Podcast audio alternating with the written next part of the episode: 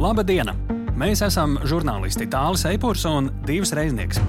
Mūs no sirds interesē, kas notiek Ukrajinā. Kā notiekošais tur ietekmē notikumus šeit, kā mēs šeit varam būt noderīgi cilvēkiem tur. Lai labāk izprastu notiekošo, mēs dzīsimies pakaļ personīgiem stāstiem, kas iemieso šo eksistenciālo cīņu. Mēs skaidrosim, ko globāla ziņu virsraksts nozīmē šeit, pie mums. Jo Ukraina cīnās ne tikai par savu brīvību. Ukraina šobrīd ir arī mūsu drošinātājs.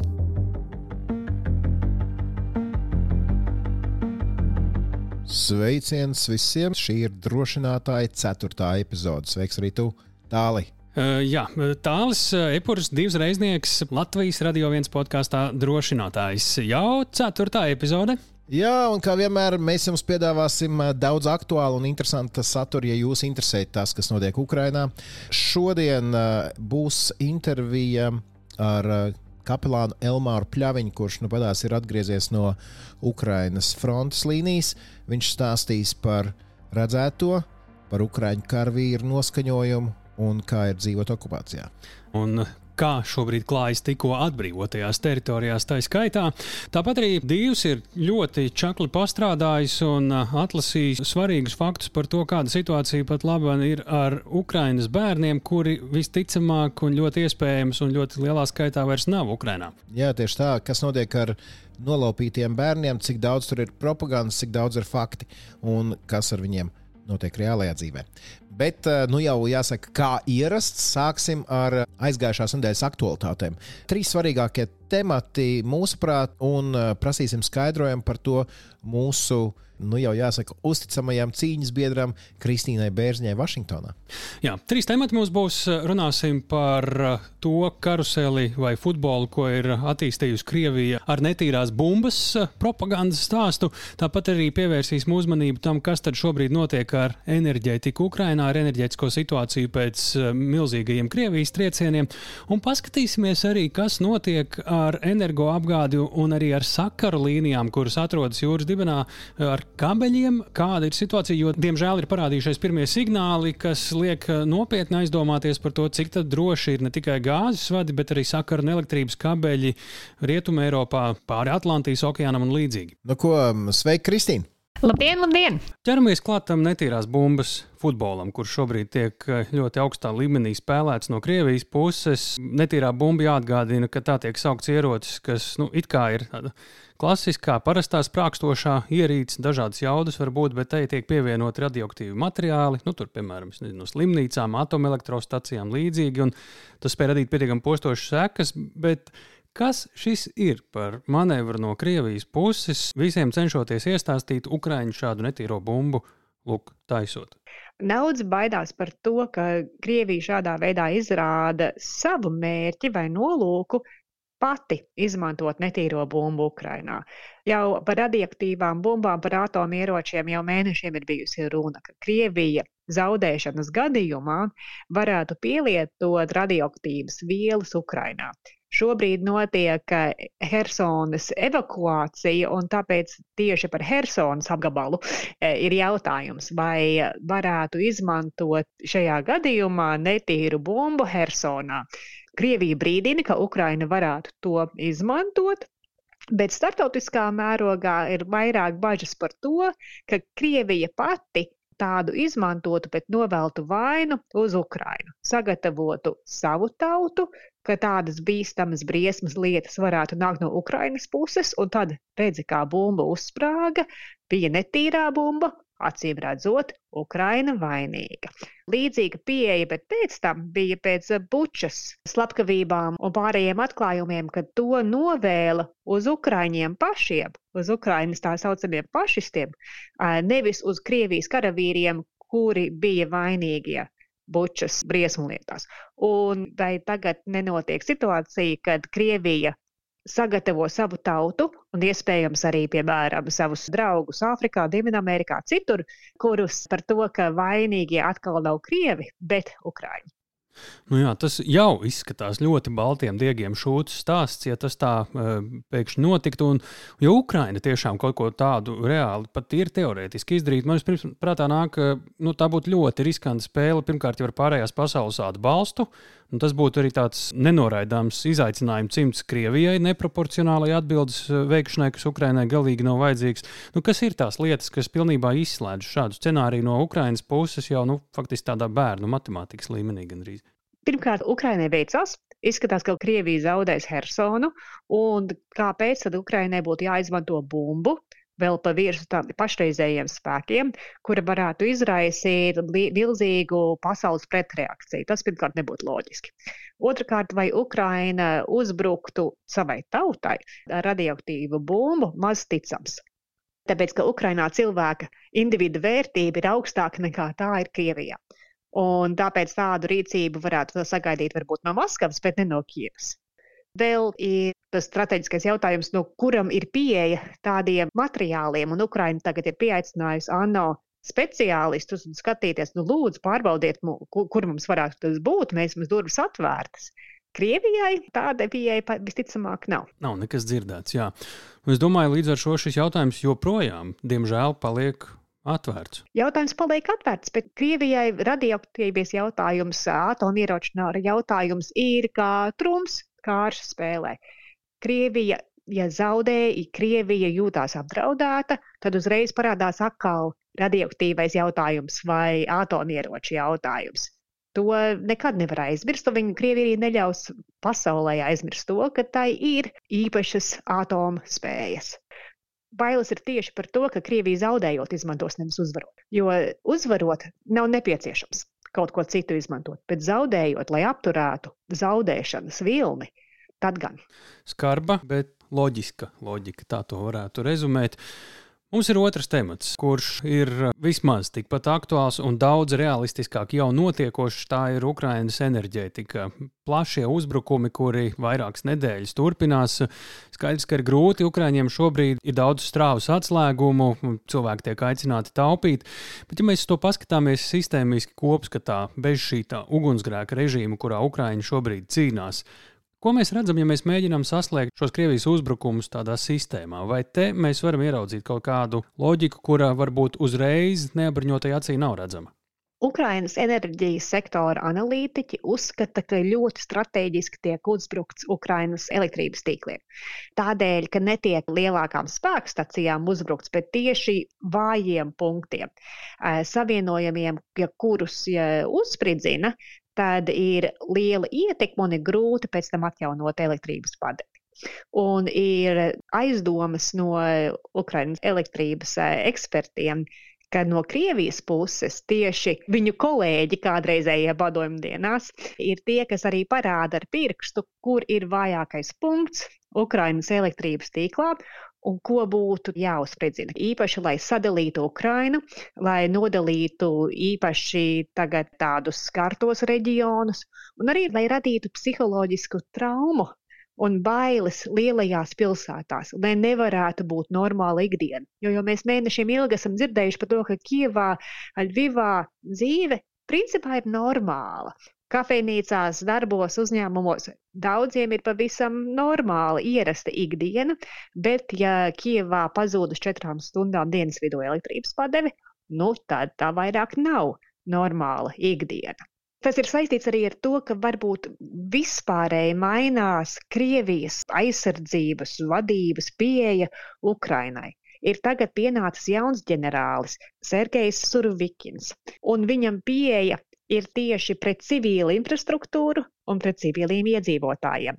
Viņam iesauka Sīrijas karā bija ģenerālis Armagedons.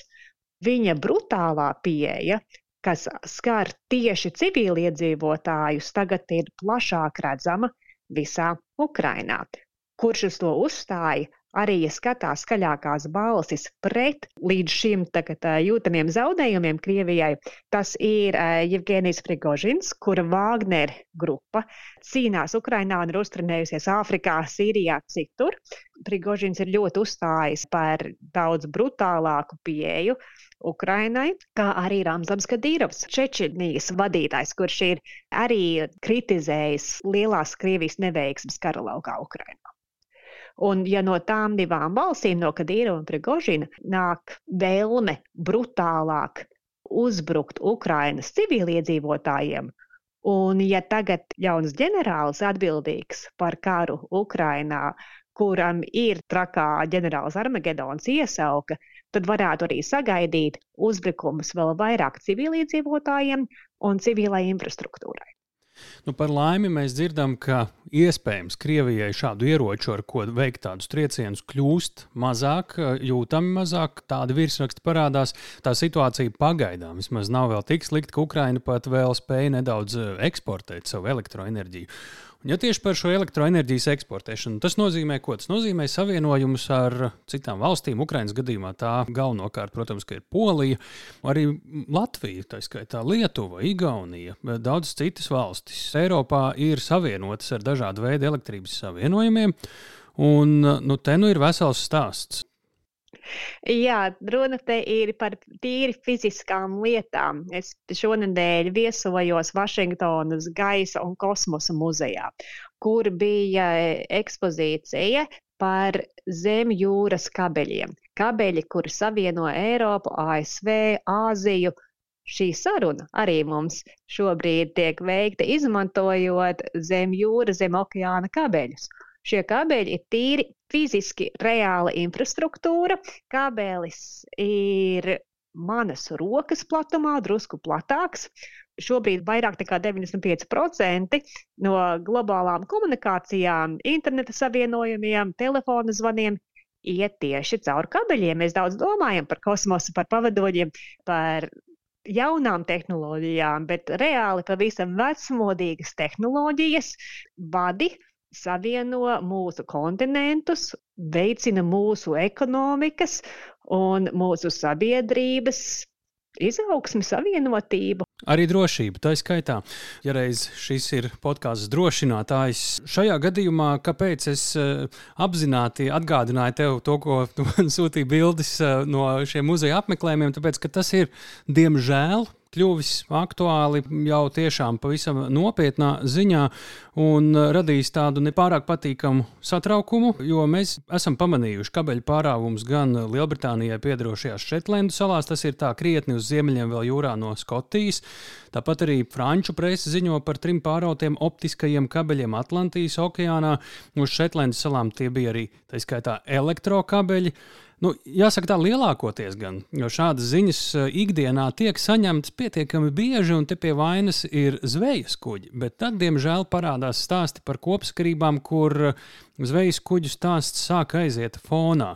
Kāda ir šobrīd tā situācija? Kā tu raksturotu, cik pamatots ir tas satraukums un par ko liecina arī fakti un kopsakarības attiecībā uz tiem kabeļiem, kas savieno? Tā skaitā ir starp Lietuvu un Zviedriju, Igauniju un Somiju, Somiju un Zviedriju. Tepat mūsu reģionā mēs arī par tiem saņemam elektrību. Jā, ir jāuztraucās gan par elektrības kabeļiem, kas savieno Ziemeļvalstis ar Baltiju, ir jāuztraucās arī par komunikāciju kabeļiem. Piemērs no Nord Stream gāzes vada uzspridzināšanas pirms mēneša ir tas, ka zem jūras var atrast, ievainot, likvidēt ļoti svarīgu infrastruktūru. Līdz šim mēs neesam redzējuši lielus uzbrukumus bet jau daudzus gadus drošības aprindās uztraucās par to, ka Krievijai ir spējas uzspridzināt, pārgriezt, ievainot gan elektrības, gan komunikācijas kabeļus. Par to īpaši tiek runāts kopš Nord Stream uh, pirmā un otrā gāzes vada uh, uzspridzināšanas septembrī. Un jāskatās arī, kur ir tie vājie punkti. Kabelis ir bijušas pārautas Norvēģijā, Skotijā, ir ļoti vāji punkti, kur savienojās Lielbritānija, Īslande, Grenlande, Ziemeļamerika. Un to izsakot jūras dēlmes ir grūti. Un par šo jautājumu īpaši ir uztraucies Lielbritānijas jaunais premjerministrs. Rīšīs Sunaks. Pirms pieciem gadiem, tā, kad viņš bija vienkārši deputāts, viņš uzrakstīja pētījumu par zemjūras kabeļu drošību. Un pētījumā viņš apraksta tieši Krieviju kā iespējamu agresoru zemjūras kabeļiem. Un atsaucoties uz šo pētījumu, Lielbritānijas flote arī domā, kā pielāgoties šī drauda novēršanai, kādus kuģus būtu jātīsta, jānopērk, lai labāk varētu apsargāt ne tikai Lielbritānijas salas, bet arī šo kritisko infrastruktūru. Nu jā, šeit to bažu ir gana daudz, bet vai mēs esam redzējuši arī reālas darbības, kas uh, rāda, ka NATO, Eiropa spēj kaut ko likt pretī? Jo nu, tā ir tā infrastruktūra, kur tiešām var ievainot jebkurā vietā, jebkurā laikā. Jā, īpaši no flotēm dzird to, ka flotes tagad piesaistās īpaši kritisko kabeļu pasargāšanā un, un jūras vaktēšanā. Es dzirdēju pirms nedēļas no Igaunijas aizsardzības ministra, ka Igaunijas flote tagad tieši pievērš uzmanību kabeļu jautājumam, Igaunijas Somijas savienojumiem. Un NATO ģenerālsekretāra vietnieks arī mums stāstīja, pirms nedēļas par to, ka NATO pievēršās tieši zemjūras infrastruktūras drošības jautājumam un ne tikai zemjūras drošības, bet arī kosmosa komunikācijām. Abas daļas ir vienādi svarīgas, jo, protams, ja kaut kas pārtrūkst zem jūras, tad atkal jāpaļaujas vairāk uz kosmosu. Tas ir sarežģītāk un arī spējas visu mūsu informatīvo telpu pavilkt caur kosmosu vēl nav. Ja tiek konstatēti šādi uzbrukumi, protams, ka šādā gadījumā ir ļoti grūti skaidri uzreiz parādīt, kurš tad ir vainīgs, līdzīgi kā ar Nord Stream stāstu. Ja atklājas, ka tā ir bijusi kaut vai tā pati Krievija vai jebkurš cits naidīgs NATO, šajā gadījumā, ko tas nozīmē? Tas ir uzbrukums NATO, pat ja tas notiek kaut kur starptautiskos ūdeņos, bet NATO valstu īpašumam, vai nu, ir piemēram tas pats Norvēģijas polijas gāzes vats, kurš nesen ir atklāts. Nu, kas tā ir par situāciju? Ko šeit nozīmē tas pats NATO 5. pāns? Varētu, varētu pielietot 5. pāntu lielam uzbrukumam pret infrastruktūru, pret gāzes vadu, pret kabeļiem. Tāda iespēja pastāv. Nav atklāti paskaidrots, cik lielam tam uzbrukumam būtu jābūt, lai varētu pielietot 5. pāntu, bet ir teikts tā, ka jā, uzbrukums pret infrastruktūru NATO teritorijā būtu uzbrukums pret NATO valstīm. Bet NATO pats neievieš piekto pāntu, tad attiecīgai valstī būtu jāpiesauc to pāntu. Piemēram, ja uzbrukums notiktu Norvēģijas ūdeņos, jūrā vai Dānijas vai Lielbritānijas, tad tai valstī būtu jāgriežās pie NATO sabiedrotiem un kopīgi piesaukt piekto pantu un atrast kopīgu risinājumu. To ir svarīgi atcerēties. Diemžēl, ja tāds brīdis pienāk, tad vismaz eh, šī podkāstu klausītāji zinās, eh, par ko ir runa vismaz eh, nedaudz plašāk. Nu, ir mierināmiem jāsaka, ka šo kabeļu par laimi bieži vien ir diezgan daudz. Vispār pasaulē runājot, mums gan vietējie nav tik daudz un tik plaši. Un, nu, ir prakse, protams, ka tos atjauno, tos ņem ārā, tos ieliek atkal. Tā nav tāda gadsimta traģēdija, bet īslaicīgas un nopietnas sekas noteikti šādi kabeļu bojājumi var radīt bet tālu vēl no muzeja. Muzejā arī bija redzams tas, un arī internetā var paskatīties, un e, vietnēs, kur īsti ir kabeļi. Un kabeļi nav atklātā jūrā vien, bet kabeļi ir arī mums tādās jūtīgākās vietās visā pasaulē. Sueza kanālā, ir kabeļi, kas savieno, piemēram, Āziju ar Eiropu un, un Ziemeļameriku, Malakas šaurums, kas ir arī no kuģniecības viedokļa, no jūras militārā viedokļa ļoti, ļoti jūtīga, svarīga vieta, arī no komunikācija, no kabeļu viedokļa, ir ļoti jūtīga. Ja skatās ģeopolitiskā ziņā, militārajā ziņā, ekonomiskā ziņā, šaurumi ir nozīmīgi, bet arī komunikācijām un kabeļiem tie tur ir. Nu, es ļoti ceru, Mēs visi ceram, ka pēc nedēļas visi kabeļi būs vietā, un mēs atkal ar tevi, Kristīna, varēsim sazināties. Jā, labi, paldies, un cerēsim uz to labāko. Paldies, līdz nākamajai reizei. Paldies Kristīnai Vašingtonā. Zinu, tā es gan teikšu tā, tad, kad es izdzirdēju uh, šīs runas par netīro bumbu, godīgi sakot, es saķeru galvu un domāju, nu, varbūt, ka par daudz tam uzmanību pievēršam. Varbūt nē. Jo Krievija ir pierādījusi atkal un atkal, ka tā uh, gluži kā makarons pret griestiem met visā, vis visādas versijas, visdažādākajos gadījumos un skatās, kas uh, paliks karājamies un uz ko ir vērts uzspiest tālāk. Nu, satais virpuli un tad skatās, ko no tā var izmantot savā labā. Diemžēl, jā. Jo loģikas tur nav. To arī Kristīna, uh, tas, ko uzsvēra, Ukraiņiem nav iemesls šobrīd šādu te kaut ko darīt, jo viņiem kara laukā nu, nav bezcerīgas situācijas. Nav iemesla. Labi. Viena lieta, ko pieminēja Kristīna par Helsinas evakuāciju, uzreiz atsaucas kādu citu tēmu prātā par cilvēkiem, kuri ir bijuši spiesti pamest Ukraiņas teritorijas, kad tās ieņēma Krievijas karaspēki. Tur skaitļi iet miljonos, bet ir kāda īpaši sāpīga tēma par bērniem, kas bez viņu piekrišanas ir aizvest prom no Ukrainas uz Krievijas teritoriju. Un te ir tie divi dažādie skaitļi, ko mēs dzirdam par bērniem, kuri no Ukrainas eh, vienā vai citā veidā ir nonākuši Krievijā.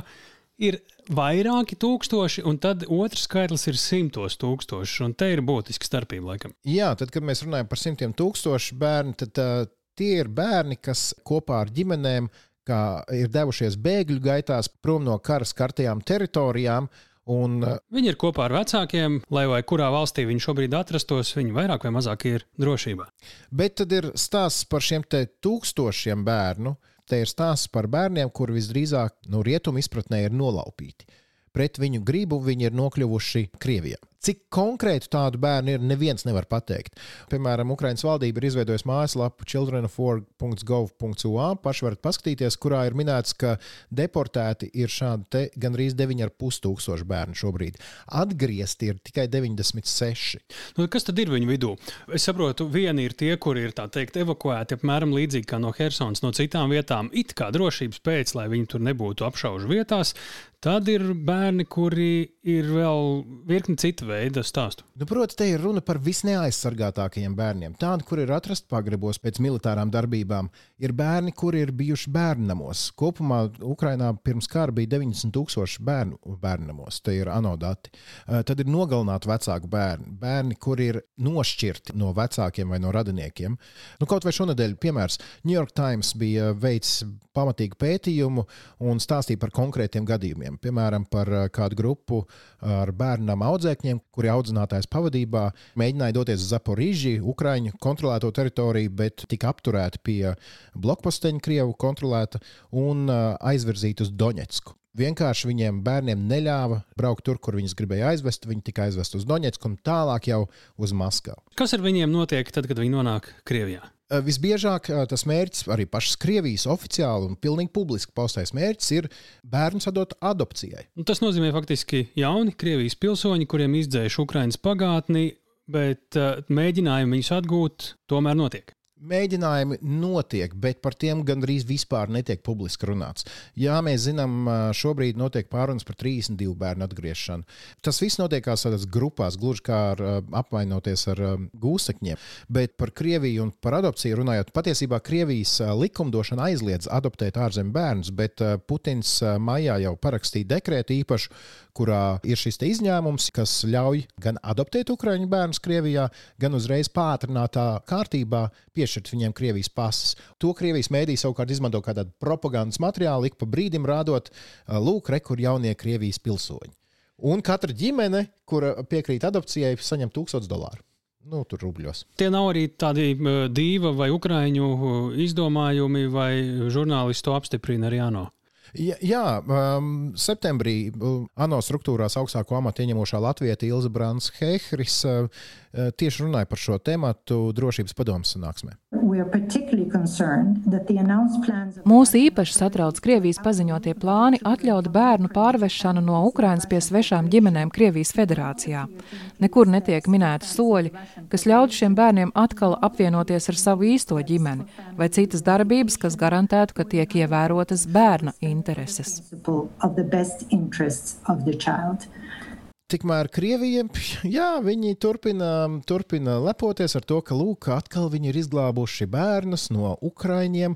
Un, piemēram, pati galvenā šīs visas kampaņas seja - Krievijas bērnu ombudsmenis Marija Ļuvova Belova, kura pati ir pa savā ģimenē pieņēmusi vienu ukraiņu zēnu lūko stāstu par savu pieredzi. Вот прям простой пример, да, мы привезли из Мариуполя э, группу детей, 30 человек, которых нашли в подвалах, которых бросили приемные родители и эвакуировали. Vienkārši piemērs. Mēs atvedām 30 bērnus no Mariupoles, kurus tur atradām pagrabos. Viņu vecāki bija evakuējušies vieni paši, atstājot bērnus šādā grūtā situācijā vienus.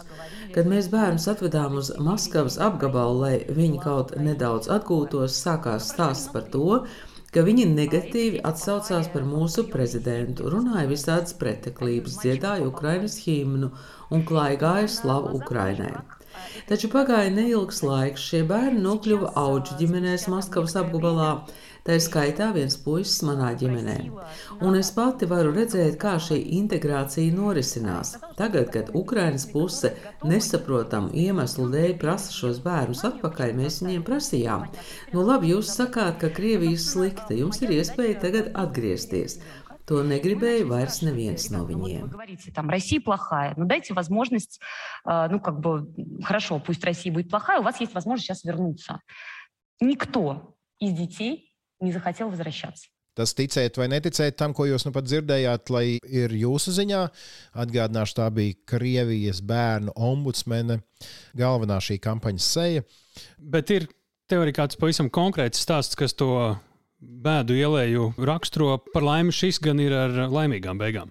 Jā, te ir stāsts, kuru bija izracis Associated Press, ļoti respektabls mēdījis pēc ilga, ilga pētījuma. Šis būs stāsts par ukrainieti Olgu Lopatkinu un viņas sešiem adoptētiem bērniem. Viņa ir mūzikas skolotāja no Doņetskas un savu māju zaudēja jau 2014. gada iebrukumā. Savukārt šogad, kad sākās karš, viņas seši adoptētie bērni bija nometnē Mariupolē, tikai aptuveni 100 km no viņas jaunajām mājām. Bērni ir eh, vecākajam Timofejam 17 gadi, trīs bērniem chroniskas slimības, jaunākajam 7 gadi. Tātad viņi bija atdalīti viens no otra, un tad, kad sākās karš, viņi vienkārši fiziski baidījās braukt uz Mariupolu pakaļ saviem bērniem, jo tur bija reāli dzīvības draudi. Un to viņi arī tur apstiprināja. Viņi bija interesējušies, nebija tā, ka vienkārši šodien baidījās. Jā. Tieši tā, kaut kādā brīdī, martā, viņiem pārtrūka sakari vienkārši nebija vairāk sakaru. Un vietējais doktors bija sarunājis, ka šos bērnus evakuēs ārā no Mariupoles uz Ukraiņas kontrolēto teritoriju. Taču viņus jau atkal šis ir tas sasaucās ar to, ko es pieminēju New York Times rakstā, ka viņus apturēja Krievijas kontrolu postenī un aizveda atkal uz uh, Doņetsku. Uz uh, slimnīcu Doņetskas DNR teritorijā. Un, kad bērniem beidzot izdevās sazināties ar māti, izrādījās, ka viņa jau devusies bēgļu gaitās uz ārzemēm, jo viņai bija vēl viena meita, un viņa bija neiespējams uh, izvēles priekšā. Ko darīt? Mēģināt meklēt šos bērnus, Tu līdz tai Mariupolai netiec, kur viņus meklēt, nezini, bet tev ir viens bērns, kurš tev ir blakus. Un, un tad, tad atliek nodarboties ar vismaz tā glābšanu. nu, Jā, es kā vecāks nespēju iedomāties, kā var justies tādā situācijā. Es tikai zinu, ka tas ir nu, neiespējama misija. Jebkurā gadījumā viņi izdarīja izvēli, viņi paņēma šo vienu bērnu, kas viņai bija blakus, un aizbrauca uz Eiropu. Kad bērni to uzzināja, protams, ka viņi bija šokēti, nelaimīgi un tam līdzīgi. To, protams, ka savukārt izmantoja Krievijas puses, stāstot, kā lūk, vecāki viņus nemīl, jums brauciet uz Maskavu, brauciet uz Krieviju, tur jūs viss būs labi. Bērni tam nebija ar mieru. Timofejs pat bija plānojis, ka tiklīdz viņam paliks 18 gadi, viņš apprecēs savu draugu un adoptēs brāļus un māsas. Lūk, pašas Olgas vārdi, kā viņa apraksta to konkrēto situāciju. Viņi katru dienu bērnus noskaņoja pret mums. Jūs, vecāki, pametuši, jums tādi vecāki droši vien nav vajadzīgi. Mēs jūs atdosim labākās ģimenēs, tur jums būs labāka dzīve. Galu galā Olgas centieni, viņa rakstīja vēstules visām iespējamām organizācijām. Krievijā, starptautiskām, Ukrainā un tā tālāk. Redzot, ka ir šī interese, bērni tomēr, paldies Dievam, pēc diviem mēnešiem tika palaisti un uh, trīs dienu braucienā caur Krieviju, caur Latviju un uh, uz Berlīnu viņa aizbrauca un tad nonāca Francijā, kur patvērumu bija guvusi Olga. Lūk, te jūs varat dzirdēt, kā viņi satiekas.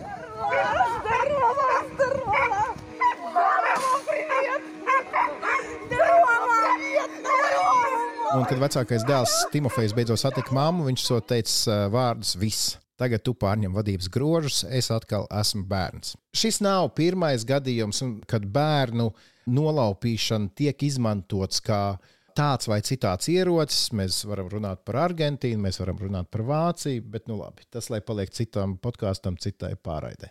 Tik tālu par bērnu likteņiem Ukrajinā, gan okupētās, gan neokupētās, gan atbrīvotās teritorijās, gan arī Eiropā. Jā, bet nu laiks mūsu lielajai sarunai, un ja pirmajās trīs epizodēs mēs esam runājuši ar Ukraiņiem Ukrajinā, tad ir pienācis laiks vienam latviešu skatījumam par redzēto Ukrajinā. Un mēs uzrunājām ilgadējo Nacionālo bruņoto spēku virskapelu kapelānu. Šobrīd viņš ir vecākais eksperts starptautiski militāri reliģiskos jautājumos, bet vienkāršāk runājot, viņš ir tas starpnieks starp Latvijā saziedoto un Ukrainu. Viņš ir tas, kurš koordinē no aizsardzības ministrijas puses, viens no cilvēkiem, kas to dara, lai būtu šis tilts starp tiem, kas ziedo, un tiem, kuriem uh, vajag ziedot. Nu, ko, daži virsraksti no tā, kas būs dzirdams intervijā, mēs uzzināsim, kas tad ir tas, kāpēc Elmārs saka, ka viņš ir iemīlējies Ukrajinā. Tas ir ļoti cilvēcīgs stāsts. Nu, un, protams, viņš ir tas, kurš dodas uz atbrīvotajām teritorijām, un caur viņa acīm mēs arī dzirdēsim to, kāda tur šobrīd ir dzīve. Tā, mēs šobrīd atrodamies aizsardzības ministrijā, Rīgā, Latvijā.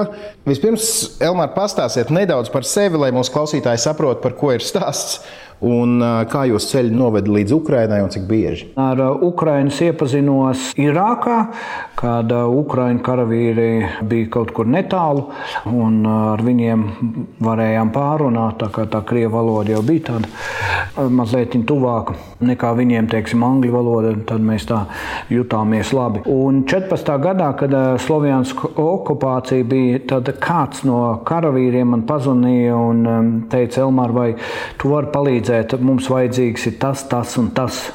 Un es teicu, mm, izklausās, eh, izklausās dārgas lietas, un vai to visu varēs. Bet, ziniet, līdz 22. Eh, gadam, janvārim, mēs aizvedām vairāk kā 600 tonnas humanās palīdzības ar drēbēm, kurpēm, tā izskaitā arī pārtiku, un arī dažādas specifiskas lietas, un naudas izteiksme tuvu miljonam kas likās jau daudz, bet šobrīd tā ir pilnīgi cita bilde. Ļoti daudz uzņēmēju pavisam savādāk nāk pretī, un par to mēs jau vēl domāsim, runāsim.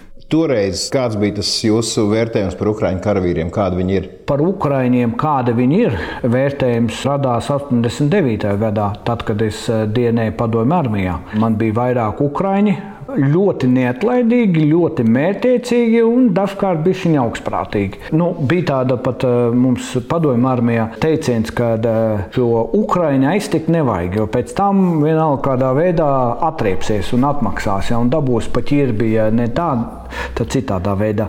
Bet Irākā nu, to darbību es uh, nevarēju tā daudz redzēt, viņiem bija savi uzdevumi, un mums bija savi uzdevumi, bet vienkārši tā pa dzīvi mēs pārunājām, un dažkārt viņi pat prasīja lai es ar kādu aizlūgumu par viņiem noturu, jo savā veidā, kaut arī viņi vairāk tā uz pareizticību, viņi dievticīgi bija pat vairāk nekā kādi citi karavīri. Mēs dzirdam nereti, ka rietumos runā, nu, karš sākās 24. februārī. Ukrāņi parasti piebilst, nē, nē, karš sākās 2014. gadā, un principā līdz ar to laiku jūs jau arī esat tā vai citādi iesaistījies palīdzības sniegšanā. Uh, tieši tā, es sāku no 14. gada. Man tur kāds uh, cilvēks, arī uzņēmējs, mācītājs, šobrīd ļoti daudz, arī goda konsuls. Šobrīd viņš ir Doņetskas rajonā, Slovjanskā, Latvijas goda konsuls Aleksandrs Afanasičs Pavenko kuram eh, Slovjanskā okupācijas laikā ienāca uzbrucēji vai okupanti un eh, divus dēlus paņēma, nomocīja, spīdzināja un eh, nogalināja. Un divu mēnešu viņi viņus meklēja un tikai pēc diviem mēnešiem viņus atrada. Tas bija tāda iebiedēšanas taktika, kāda joprojām strādā. Tā kā no 14. gada beigām es sāku braukāt uz turieni. Līdz šim mūsu podkāstu lielajās intervijās mēs esam runājuši ar Ukraiņiem, kur cīnās par savu pilsētu, valsti, vai tas būtu brīvprātīgais pilsētas galva vai partizāns. Ar viņu motivāciju it kā viss ir skaidrs.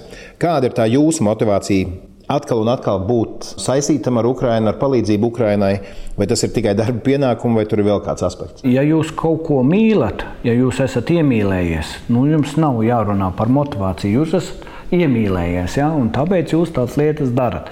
Protams, ka var jau būt arī citi aspekti, kāpēc, kāpēc kaut ko dara. Bet eh, es esmu, jāsaka, iemīlējies tajā Ukrainā un katru reizi, kad īpaši no 15. gada, kad tās kravas sūtīja, dažkārt es teicu komandieru birojām, kurā tur arī biju un darbojos, teicu, viss man vairāk nav spēka. Un, vai arī reizēm sev atbraucot no Ukrainas, es teicu, visu pēdējo reizi es vairs to nevaru izturēt.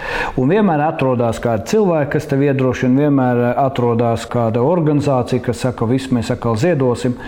Un eh, tad eh, tu saproti, nē, tu turpināsi. Un šobrīd jau ir tā, ka vispār par to tu vairāk nedomā. Grūti, nav grūti.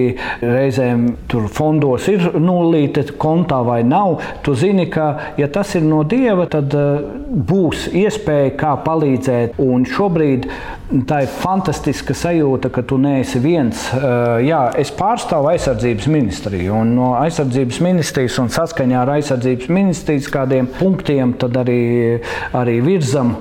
Tas uzņēmējiem arī dod kaut kādu drošības sajūtu, ka uh, visas tās krāvas, visas tās lietas, kuras mēs nopērkam gan saimniecībai, kas labi noder, gan arī kaut ko tehniskāku priekš viņiem nopērkam, tad tas aiziet konkrētai vienībai, konkrētā laikā, konkrēti viņi saņem un jau ar tām strādā un darbojās un izpilda tās funkcijas. Un tad Ukraiņi tiešām ļoti daudz novērtē arī šobrīd, kad biju tikko Donbasā.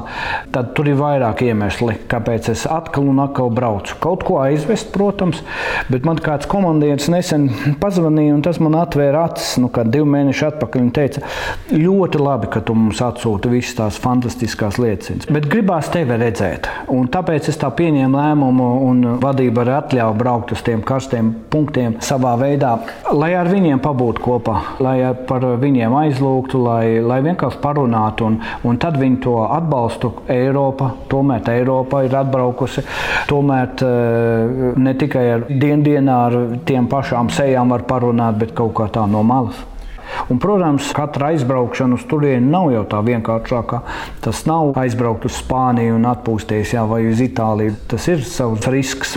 Bet eh, šī ir lieta, ka mēs viņiem varam dot un vajag dot, un viņi to ļoti daudz novērtē. Eh, šo atbalstu gan garīgo, gan praktisko, psiholoģisko, un tālāk arī, ka mēs paši daudz ko varam paņemt un jau tad eh, mācīties gan armija, gan aizsardzības ministrija ministrija, gan pareizi sakārtot uh, lietas uz priekšu. Un, un tā.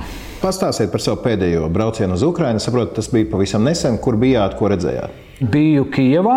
Vispirms, jau kā jau vienmēr, pirmā lieta, ko es redzēju, un ko mēs arī iebraucot, uh, sajūtām, visi ir atslābuši. Visi ir atslābuši. Tas bija pirms cik ilga laika? Pirms nedēļas, jā. Bet tad jau bija sākušies šie īrāņu dronu riecēni. Jā, jā tad, tad arī viņi sākās. Svētdien vēl ne, nebija sākušies, bet viņi sākās pirmdien. Jā. Jo pirms tam Piektdienā laikam bija Krimas tilta. Viņa uzspridzinājuši sveicienu dzimšanas dienā Putinam, uztaisījuši. Un pēc tam mēs arī iebraucam. Bet vēl tajā svētdienā bija ļoti mierīgi viss un viss tā. Bet nu, pirmdien no rīta sākās eh, Kievas centrā ar daudzām raķetēm. Tas burtiski 300 metri attālumā. Tāds nu, tas laiks tur bija. Jā. Šobrīd eh, to, ko okupanti vēlās panākt, ieviest bailes, nedrošību, stresu atkal no jauna. Nu, kaut kādā ziņā viņi to ir panākuši. Jo cilvēki atkal no jauna, eh, no vienas puses ir daudz stresaināki un nemierīgāki, bet no citas puses viņi atkal vēl lielāku motivāciju saņem un, eh, un vēl lielāku atbalstu no, no tās pašas Vācijas, kurai atverās acis ar vien vairāk. Pēc Kijavas? Pēc Kievas, tad, eh, protams, Harkava un pēc Harkavas vēl dziļāk izjuma un uh, izjumā redzēt visu šo bruņojumu, uh, atstāto tanku sadauzītos un bruņmašīnas un vēl neatīrītie rajoni, kur tur pabijām un tālāk jau dziļāk jau Slovjanska un Kramatorska un Bahmutas virziens un tā. Lai klausītājiem skaidrs, šīs ir teritorijas, kuras vēl pavisam nesen bija okupētas. Dažas, jā, nu, Slovānska tur ļoti tuvu bija piegājis, Svetagorska bija okupēta, jā, un Izjuma arī, un Limana tik, tikko atbrīvot, un redzējām vēl uh, Krievu karavīru līķus, kuri vēl tur palikuši un kurus vēl vajadzēs apglabāt un tā. Tā kā to visu varēja redzēt un ieraudzīt. Jā. Jūs pats esat bijis Latvijas militārajās misijās Irākā, Afganistānā. Vispirms Bosnijā, Bosnijā. Kosovā. Tad Irāka, tad Afganistāna. Nu, proti, kara, kara zonas jums nav svešas. Āfrika, jā, Centrālā Āfrika nav galīgi svešas. Jā. Ko nozīmē dzīve okupācijā un tā izsekojoša atbrīvošana? Tāds tīri cilvēciski jums ir skaidrs nu, pašam jau tā līdz galam nav skaidrs. Tikai no liecībām, kuras es varu pastāstīt, kā piemēram mēs mēnesi atpakaļ aizsūtījām. Un tagad, vakardien, arī izsūtījām jau divas kravas, tādas līdzīgas no Dobels dzirdamnieka, saziedotiem makaroniem, un auzu pārslām un, un apģērba no bruņotiem spēkiem ministrijas. Aizsūtījām uz atbrīvotiem rajoniem. Un mēnesi atpakaļ kad tajā pašā izjumā tikko atbrīvoja, mēs uzreiz ievedām pārtiku, ievedām, un tad eh, tās liecības, kuras man atsūtīja, un momentāli, kad deva viņiem to pārtiku, tad viena teica, mēs trīs dienas nebijām neko ēduši, kāds cits večuks atnāk pilnīgi basām kājām un saplēstām drēbēm, un uzreiz viņu apģērba un pārģērba un uzvelk siltu kaut ko viņa. Nu, tāda bija tā situācija, un viņi saka, jūs esat mūsu glābēji. Šis ir arī informatīvais karš. Mēs redzam, kaut vai slavenākie būtu droši vien TikTok kareivi no kadīroviešiem, vai ne? Krievijas propaganda strādā gan uzcītīgi.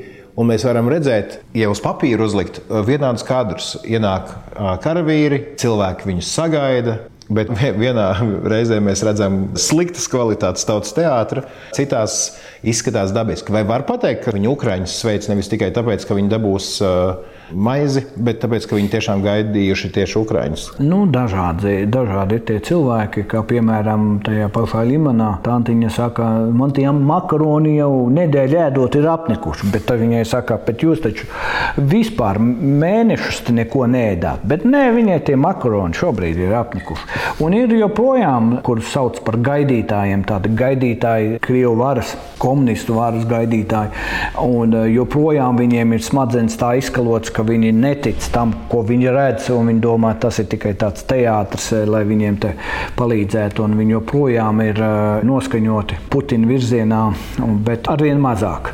Bet ir dažādi, bet lielākā daļa šie cilvēki pārdomā dzīvi un paskatās, viņi nepareizi ir domājuši, kā viņi varēja vispār. Viņiem acis atverās, tā, ka viņi padzīvojuši okupantu režīmā, cietuši, spīdzināti, viņu tuvinieki izvaroti.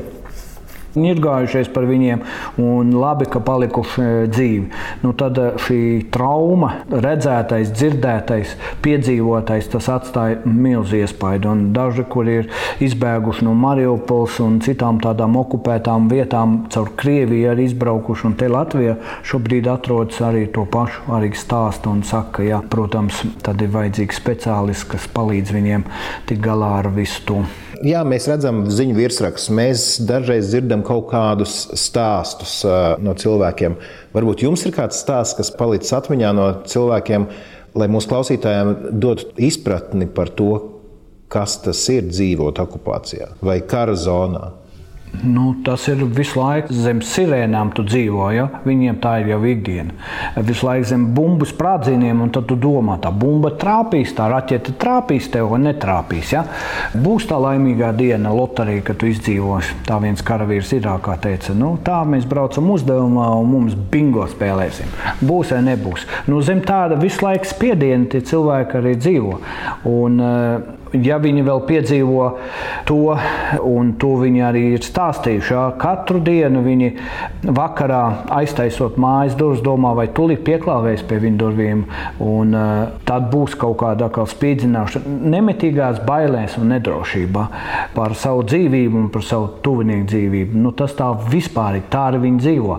Vēl nerunājot par fizisko, kad uh, tev nav ar ko nomazgāties, tev nav padzerties iespēja, tev nav pāriest neko. Tādos apstākļos viņi dzīvo. Bet pārsteidzoši viņi ir izdzīvotāji. Viņi atrod veidus, vēl tiek nogalināti cilvēki, aiziet bojā radinieki. Viņiem neļauj šos radiniekus apglabāt. Viņus sit par to, ka viņi viņus vēl kaut kur ārā. Viņi, nu, līdz ar to uh, dzīvot kopā ne tikai badā, plikumā, nedrošībā, bet kopā vēl ar uh, mirušiem radiniekiem viņiem vēl ir bijis jādzīvo. Ziniet, kā es iedomājos, ja tu aizbrauc uz kādu, tur, piemēram, draudīgu valsti, draudīgu pilsētu, tu zini, tev pasaka, re, kur ir rajons, kurā nē. Un tad tā, tā ir tava izvēle, iet vai neiet, vai, ne, vai, vai nosādīt sevi kaut kādā riskā vai nē. Bet šajā gadījumā, kad tev raķetes var atlidot jebkur, te jau sākas laikam filozofisks skatījums uz dzīvi, nu, ka vienkārši jāļaujās. Ir, ja? nu, tu, jo tu nevari, tu nevari pateikt, tā, lūk, es iešu pa labi, tad man ir lielāks apdraudējums, iešu pa kreisi, man ir mazāks apdraudējums. Ja tu esi Ukrainā, nu, tad vienkārši jā, jāļaujās, ir vai kā? Tur grūti pateikt. Process ļaušanās, neļaušanās, virzība cilvēkam katram iziet no viņa motivācijas. Kādam tā motivācija ir eh, ticība uz Dievu, un tad eh, viņš paļāvībā uz Dievu iet ārā, un tā, ja Dievs vēlēs, tad viņš eh, tiks pasargāts, ja nē, tad viņš aizies mūžībā. Kādam citam tā motivācija ir tiešām vēl joprojām pacīnīties kārtīgi par brīvību, par saviem bērniem, mazbērniem, un tad viņš dažādos veidos vai viņa meklē izdzīvošanas iespējas. Bet reizēm tie paši pārsteidzošākie liecības momenti no cilvēkiem, kuri nosacīti ļoti vāji, ļoti trausli, ka viņi saņem tādu pārdebisku spēku vai gudrību iet cauri Krievu kontrolpunktiem un, un salikt lietas, sastāstīt lietas lietas, vai, vai atrodas vēl kāds finanses līdzi, lai varētu samaksāt viņiem, uzkukuļot, un viņi tiktu ārā brīvībā pie saviem tautiešiem. Jūs intervijā žurnālam Deviņu vīri teicāt, tur gan Irākas eh, kontekstā, ka nonākot uz frontes līnijas, visi kļūst ticīgi. Kāda ir reliģijas loma gan karavīriem, gan cilvēkiem eh, okupācijā? Nu, ļoti liela loma, bet eh, šo ticību varētu sadalīt divās tādās daļās. Viena redzot visu, kas notiek, kļūst vēl ticīgāk, kuri tā, tādi vēsāki bijuši. Un tiešām saprot, bez Dieva viņi šeit vairs nevar ne paši iegūt mieru, ne paši arī izdzīvot.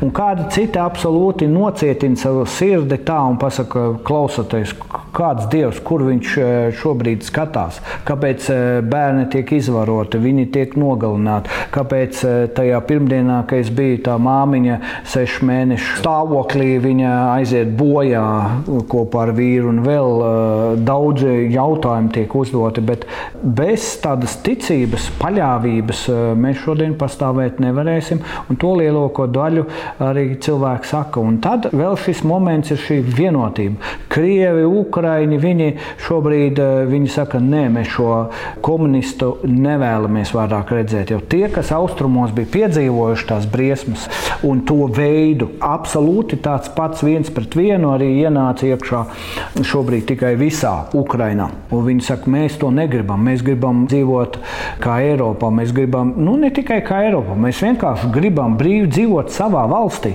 jo mēs savu valsti mīlam. Es gribēju vēl noslēgt to cilvēku frontē tēmu. Jūs intervijā TV3 nesen arī teicāt, ka saskatīt cilvēkos to vēlmi izdzīvot, jo vairāk viņus spiež, jo vairāk eh, sagrupējas, jo vairāk viņus sit, jo vairāk viņi kļūst eh, nikni. Tā ir tāda dabiska cilvēka reakcija, vai te tomēr runājam par kaut kādiem īpašiem aspektiem?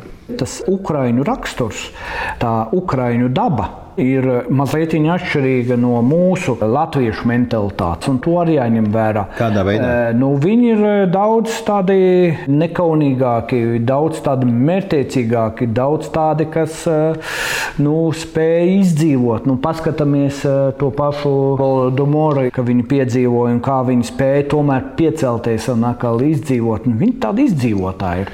Mēs esam vairāk čikstētāji.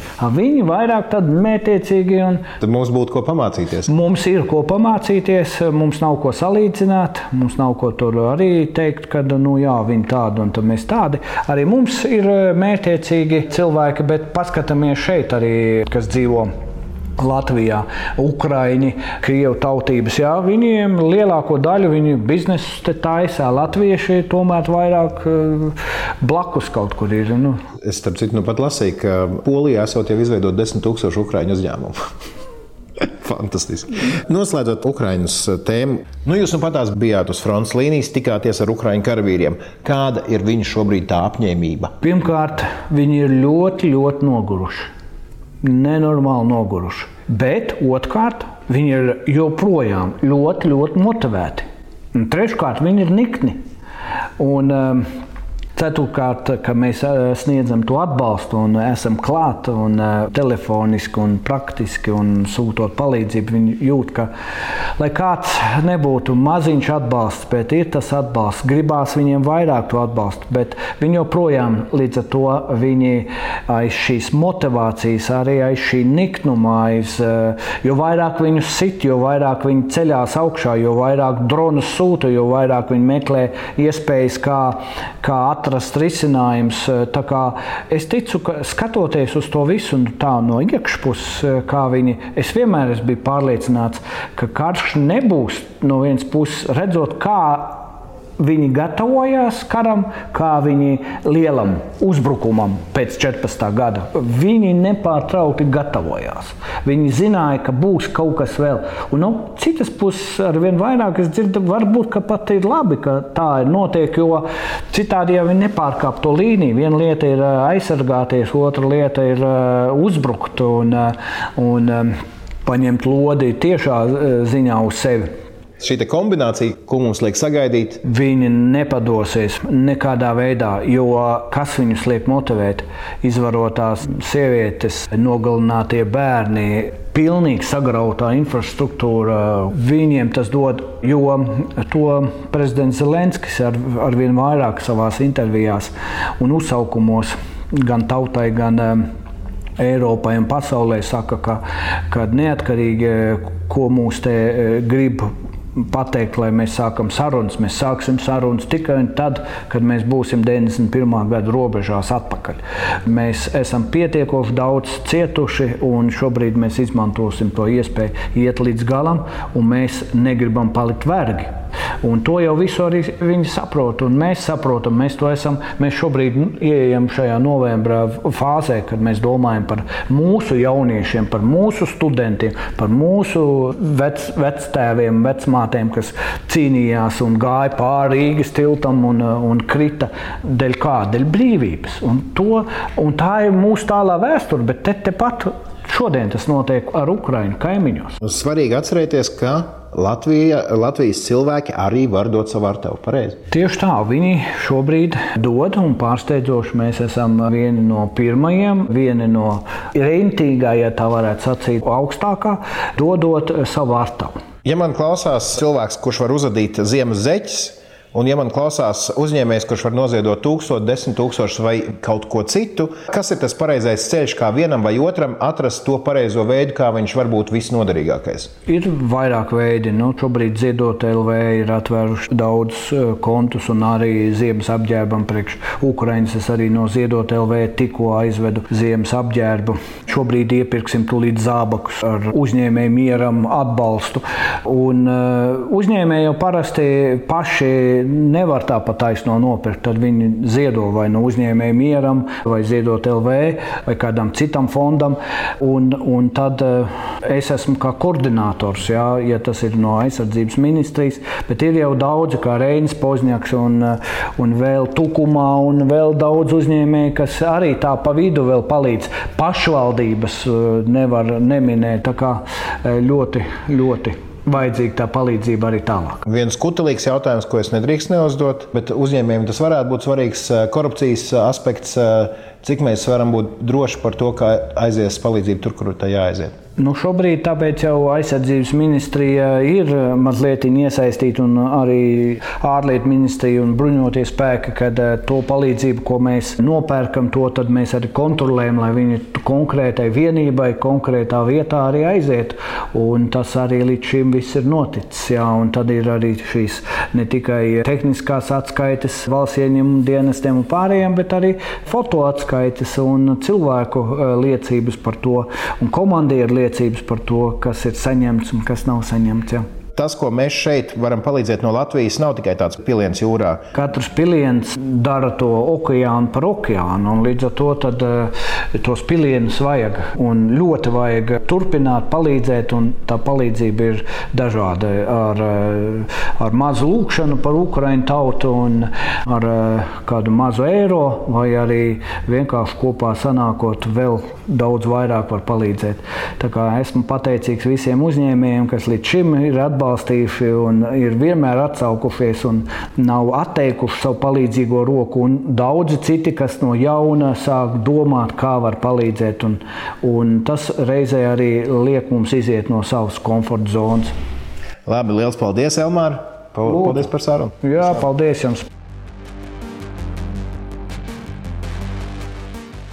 Paldies, Dievu, tev par sarunu ar uh, Elmāru Pļaviņu, kapelānu, kurš dodas uz Ukrajinu, regulāri dodas uz Ukrajinu, kā dzirdējām. Un, man liekas, ka šis ir apliecinājums arī jums, uh, podkāstu drošinātājs, klausītāji, ka tas, ko jūs ziedojat, ziedojat pa zināmiem ceļiem, ka tas nonāk ātri, precīzi, tur, kur vajag, tur, kur visvairāk vajag, un tas tiešām tiek ļoti, ļoti gaidīts. Jā, nu meklējiet savu labāko, mīļāko veidu, kā ziedot, eh, vai adiet zeķes. Tagad ziema nāk, tas vienmēr ir. Krāsains tikai nedrīkst adīt. Jā, un, un taisiet šīs ierakums veces um, vai, vai jebkā citādāk. Palīdziet Ukrainai.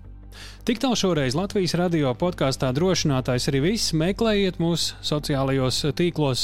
Visātrāk var atrast vai no Latvijas radio, vai arī divu vai manos Twitter stāstos vai Instagramā saites uz šo un iepriekšējām trim epizodēm. Jā, un rakstiet mums savus jautājumus vai um, cilvēkus, kurus jūs gribētu dzirdēt mūsu uzrunātus. Rakstiet mums drošinātājs at Latvijas radio.lv. Jauna epizode katru ceturtdienu.